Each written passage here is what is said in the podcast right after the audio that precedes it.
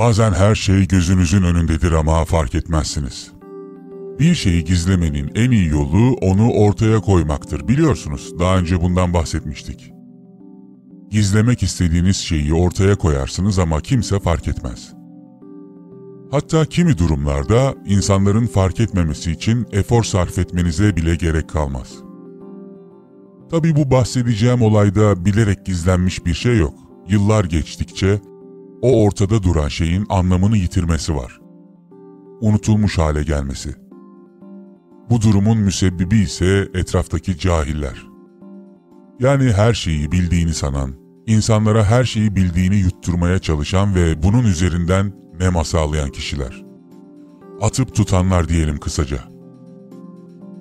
İnsan bilmiyorum demeyi sevmez çünkü. Bilmiyorum dediğinde hitap ettiği toplum karşısında prestijinin sarsılacağını düşünür. O yüzden bunların ağzından ha babam abuk subuk şeyler duyarsınız. Örneğin size Kureyş'in köpek balığı anlamına geldiğini söylerler ama bir dayanakları yoktur. Tek dayanakları etraftaki diğer kabilelerden olan Kelp kabilesinin adının köpek ya da kurt anlamına gelmesi ve Esed'in aslan anlamına gelmesi. Köpek balığının bunlardan daha güçlü olduğunu iddia ederler ve Kureyş kabile isminin köpek balığı manasına gelen kırş sözcüğünden türemiş olabileceğini savunurlar. Daha doğrusu sallarlar. Daha önceki videolarda size farklı bir teoriden bahsetmiştim. Vakti zamanında bulundukları yerden sürgüne gönderilen ve o zamanlar belki de Büyük Kiros'a sığınanlara Kureyş demiş olabilirler mi diye sormuştuk. Bu da bir teoriydi tabii. Ama hiç olmazsa daha sağlam bir teoriydi. Milattan önce 6. yüzyılda Büyük Kiros tarafından kurulan Ahameniş İmparatorluğunu hatırlarsınız. Bu krala neden Kiros adını verdiklerini sizler de kendi araştırmalarınızla bulabilirsiniz. Bakalım Kiros'un uyguladığı sistem başka topraklara da geçmiş mi? Hoş bu anlatacağım sistem daha çok eskilere, Akatlara hatta Antik Mısır'a dayanıyor. Asya'daki kadim Shang hanedanlığında bile kullanılmış bir sistem olduğunu söyleyebiliriz. Bu sistem her uygarlıkta ufak tefek değişikliklere uğramış olsa da özünde aynı. Ama biz olayın daha iyi anlaşılacağını düşündüğümüz için Roma'dan itibaren anlatmayı uygun görüyoruz. Sonuç olarak ana konumuz İslam öncesi Araplar. Yine de şunu bilmekte fayda var. Ahameniş İmparatorluğundan Sasani'ye kalan bu miras daha sonra Büyük İskender'le birlikte Makedonya ve ilerleyen dönemde de Roma topraklarında uyarlanacak. Roma'nın tüm tarihi boyunca ve hatta Bizans'a kadar tüm krallar tarafından tatbik edilecekti. Şimdi ayrıntıları açıklama zamanı. Eminim birçok kişinin hoşuna gitmeyecek. Bu arada bu videoyu bir önceki Leto Otorite videosundan sonra izlemenizi tavsiye ederim. Antik Roma'dan günümüze hala devam eden bir gelenek bu bahsettiğim. Bu geleneğe göre belirli kabilelerin başkanları oluşturulan bir mecliste bir araya toplanıyor. Bu toplantıların ilk zamanlarda farklı amaçları var. Bu amaçların günün şartlarına göre değiştiğini düşünebilirsiniz. Aslında kabilelerle ilgili tüm sorunların bu toplulukta tartışılıp görüşüldüğünü kabul edebilirsiniz. Bu bir erkekler topluluğu. Zaten adı da öyle. Söz hakkınızın olması için belli bir yaşta olmanız gerekiyor. Önceki videolarda hatırlarsanız asabiyet sisteminden bahsetmiştim. Bu kurum işte o sistemin parçalarından bir tanesi. Bu erkekler topluluğuna kabul edildikten sonra başkanı olduğunuz kabileyi kurulan mecliste temsil ediyordunuz. İlk kurulduklarında sınırlı birkaç amacı olan bu topluluğun görevleri arasında neler vardı diye soracak olursak, yargılama işlemlerinin yürütülmesi, kabilelerle ilgili genel ihtiyaçlar ve değişikliklerin diğer kabilelere bilgi amaçlı aktarımını sayabiliriz. Örneğin bir kabileden önemli birinin başka birini evlat edinmesi ve halefi olarak ilan etmesi bu önemli bilgilerden bir tanesiydi. Bu meclis binaları genel olarak ibadethanelerin yani tapınakların, ana tapınakların yanı başında kuruluyordu. Kapıları karşılıklı oluyordu ve bir nevi mahkeme görevi de görüyorlardı. O yüzden önemli duyurular bu binaların kapı önlerinde gerçekleştiriliyordu.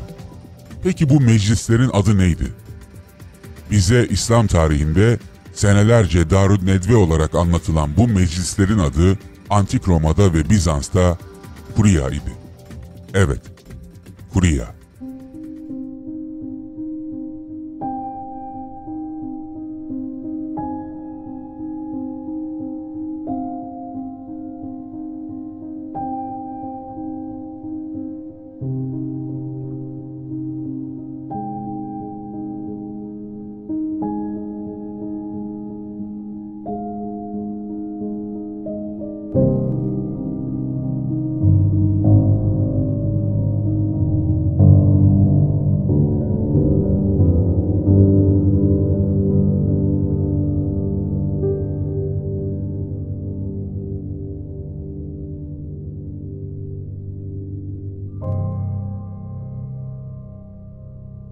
İ loro sentimenti di profonda comunione e per augurarle liete e sante feste pasquali, natalizie scusi.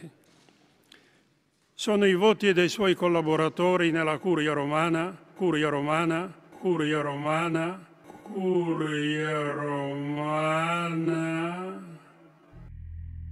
Bundan bağımsız olarak her kabilenin kendisine ait bir türbe ve yine merkezi yönetimden ayrı olarak ancak denetlenen kendi kuryaları vardı. Antik Roma'nın dini ritüellerinde hala çözülememiş gizemler vardır. Her kurya dini bir işlevi muhafaza eden ve kralın korumaları tarafından denetlenen kendi türbelerine sahipti. Bu arada kralın korumaları demişken bunlara Keleres deniliyor.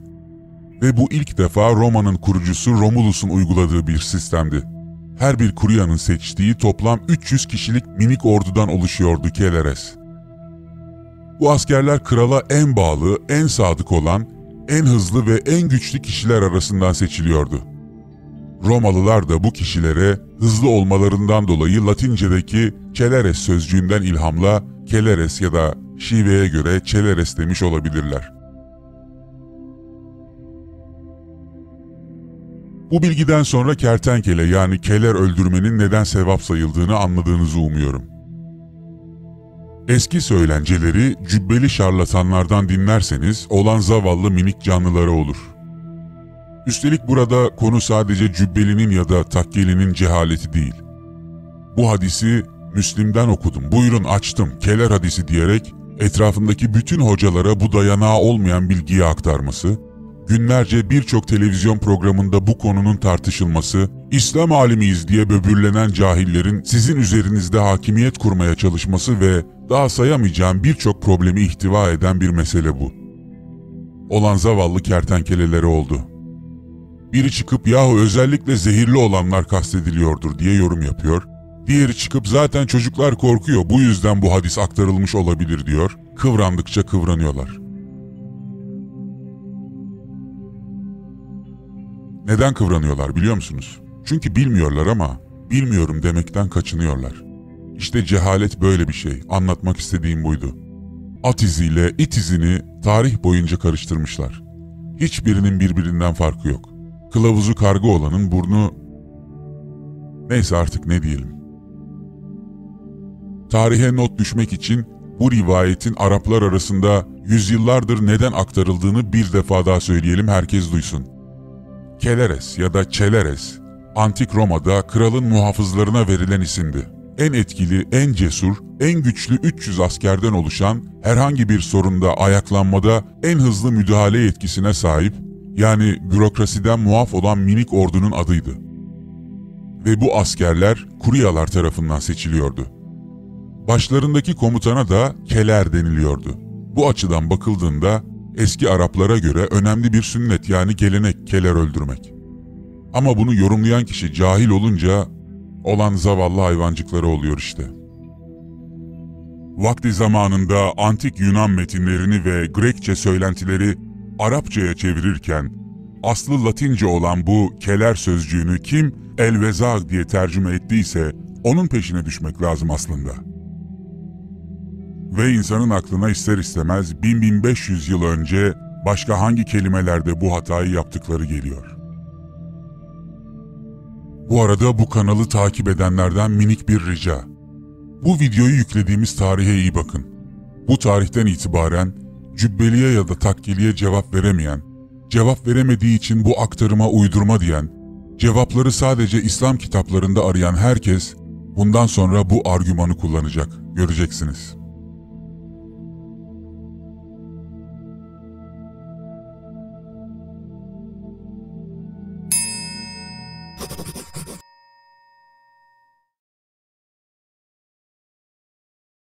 Konumuza dönecek olursak her kuryanın kendisine ait türbelere adanmış kişiler vardı. Antik Roma'da bunlara homo sacer deniliyordu. Bu homo sacer'ların en önemli özelliği vatandaşlıktan çıkarılmış olmalarıydı yani asabiyet sisteminden. Bunun anlamı da şu, herkes tarafından öldürülebilir ancak herhangi bir dini ritüelde kurban edilemez. Çünkü zaten Tanrı'ya adanıyorlar. Hem kutsal kişiliklerdi hem de lanetli. Nasıl oluyor diye sormayın. Homo sacer'ın ne olduğunu araştırabilirsiniz.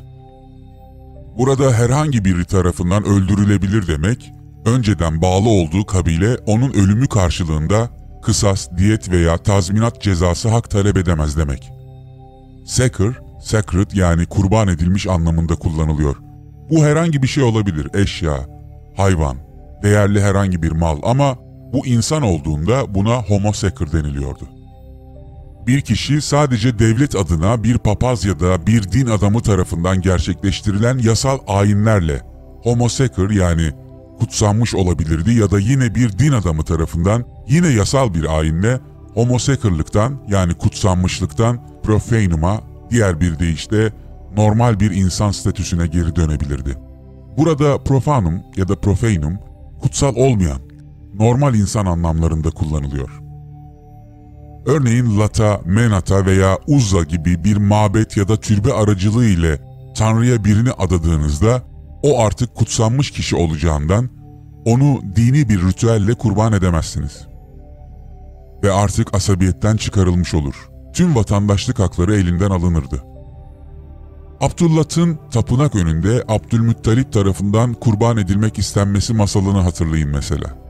Masala göre o dönemki kabile reisleri günlerce Abdülmuttalib'i ikna etmeye çalışmış, bu durumun gelenek haline gelmesinden korktukları için onu vazgeçirmeye çalışmışlar ve yüz deve karşılığında vazgeçirmişlerdi. Bu arada bir ayrıntıyı daha belirtmek gerek. Homo sacer işlediği bir suçtan ötürü toplumdan dışlanıyordu. Toplumdan dışlanırdı ancak ona bir kutsiyet yüklenerek yine toplum içerisinde kalması sağlanıyordu. Konumuz olmadığı için ve karışık bir mevzu olduğu için Homo sacer başlığını burada açarak kafaların daha da fazla karışmasını istemiyorum ama şunu da sormak lazım. Bilin bakalım bu bizim meşhur hikayedeki Homo sacer kimdi?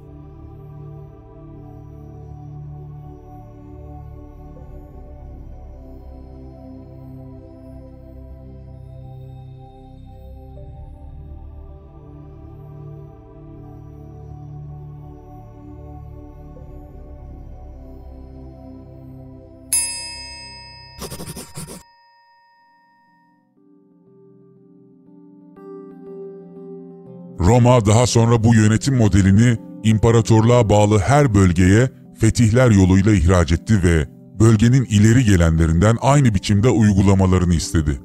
Bu bölgelere de munisipium dendi. Latince olan bu kelimenin Arapçadaki karşılığı mensup, mensubiyet.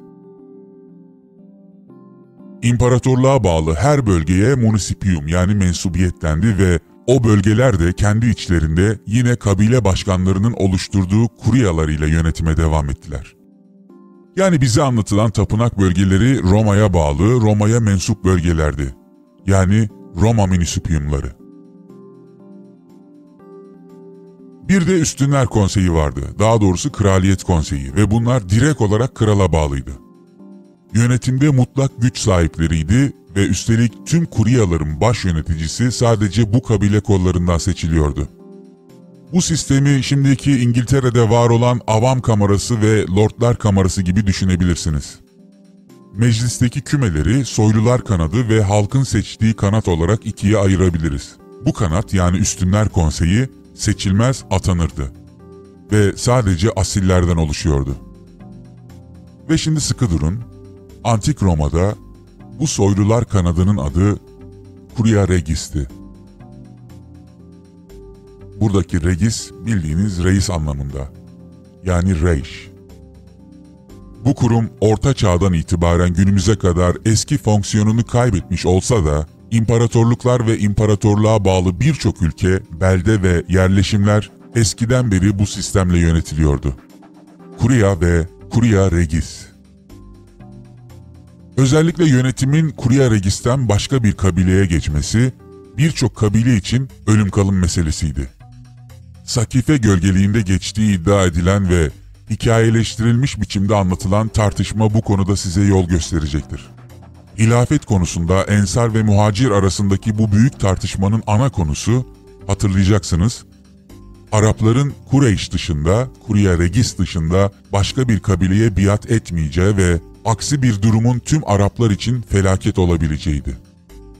Bu bilgiyle Kureyş'in ne olduğunu bir defa daha düşünün lütfen. Her imparatorun kendi kuryası vardı. Örneğin Jules Caesar'ın konseyi Kurya Julia'ydı. Şimdi bu kurya geleneği göstermelik de olsa bazı bölgelerde devam ediyor. Hatta Vatikan'da her sene kardinallerin bir araya geldiği kurya törenleri yapılıyor.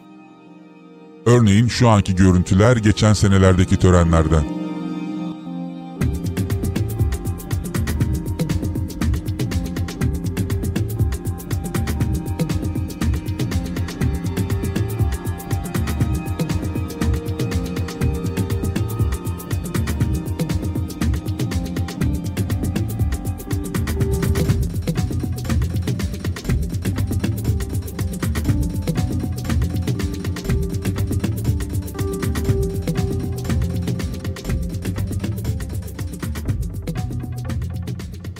Şimdi munisipiyalardan biri olan eski tapınak bölgesindeki Darun Nedve diye bahsedilen meclisi ve o mecliste gerçekleştirilen gömlek giyme törenlerini kabileleri temsil eden reislerin geleneklerini kayıt altına alma zorunluluğunu ki buna sünnet diyoruz, her kabile reisinin oturduğu koltuğu ki bunun adı da makam, tüm bunları gözünüzün önünde bir defa daha canlandırın. Tüm bu kabilelerin metinlerini mecliste okuyan kişinin bir takım özellikleri olmalıydı. Okuma konusunda uzman kişilerden oluşmalıydı. Tüm kabilelerin lehçelerini uzmanlık derecesinde bilmeliydi en başta. Bilmeliydi ki bir kabileye ait metin okunduğunda herhangi bir karışıklık çıkmasın. Bu metinleri okuyanlara İslam anlatısında kurra deniliyor. Bakın bu mecliste okuyucu olmak için ne gibi özellikler gerekiyor? Birkaç tanesini belirtelim burada. Her şeyden önce hafızasının çok iyi olması gerekiyor. Kabilelere ait musafları, yazım ve imlalarını çok iyi bilmesi ve musaflar arasındaki farklılıklara vakıf olması gerekiyor. Tüm kabilelerin kullandığı şiveyi, bu kabilelerdeki insanların aksanını iyi derecede bilmesi gerekiyor. Ve üst makamlardan bu konularda icazet almış olması gerekiyor. Şimdi ben burada sadece bir yol göstermiş oldum. Eminim bundan sonraki araştırmalarınızda Kurya, Kurya Regis, Kureyş, Kurra, Kur'an ve Kur'an-ı Kerim terimlerini gördüğünüzde her şeye daha farklı bir gözle bakacaksınız. Kur'an ve Kur'an-ı Kerim arasındaki farkı bile bilseniz sizin için büyük bir kapı açılacak. Şu anki musaf tüm bu kabilelerin kendilerine ait nüshalarla oluşturuldu. O yüzden içinde birbirini tutmayan cümleler ve bol miktarda tekrarlara rastlayabilirsiniz. Her kabilenin geleneği, bakış açısı, mezhebi farklıydı.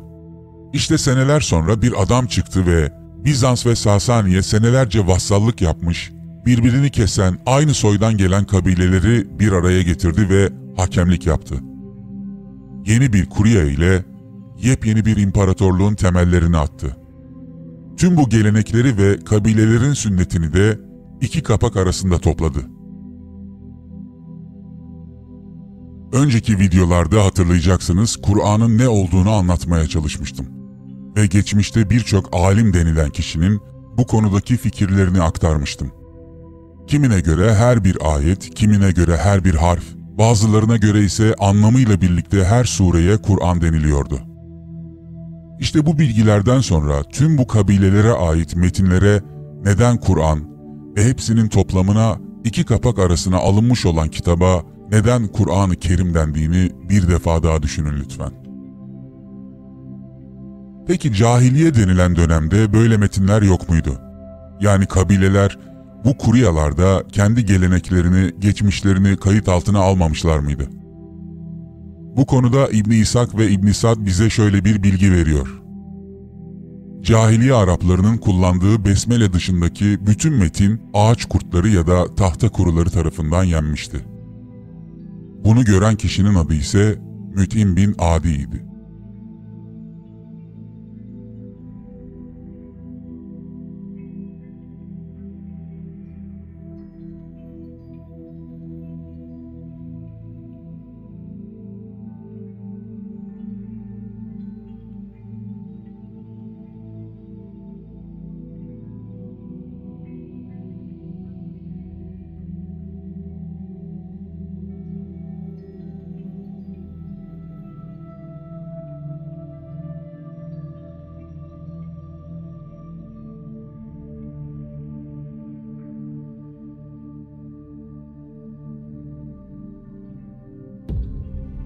Bu arada tüm bu Arap kabilelerin inandıkları Tanrı ile aralarında kendilerine ait putları olduğunu, daha doğrusu bazı putlara diğer kabilelerden daha fazla önem verdiklerini ama her iş için, her fonksiyon için birbirlerinin putlarına saygı gösterdiklerini de unutmayın.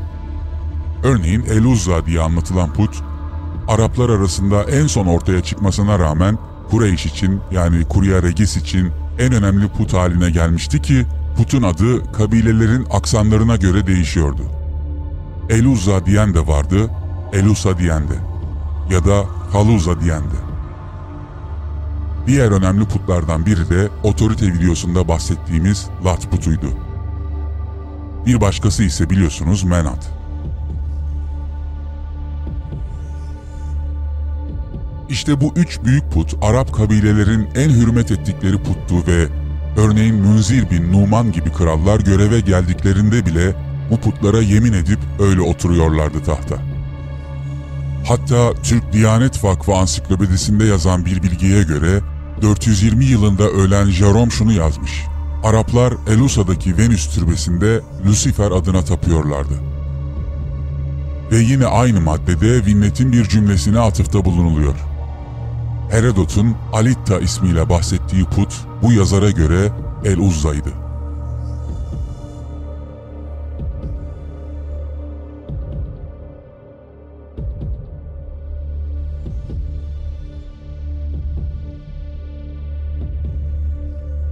Arapları bir araya getiren ve onlar için en önemli üç büyük put.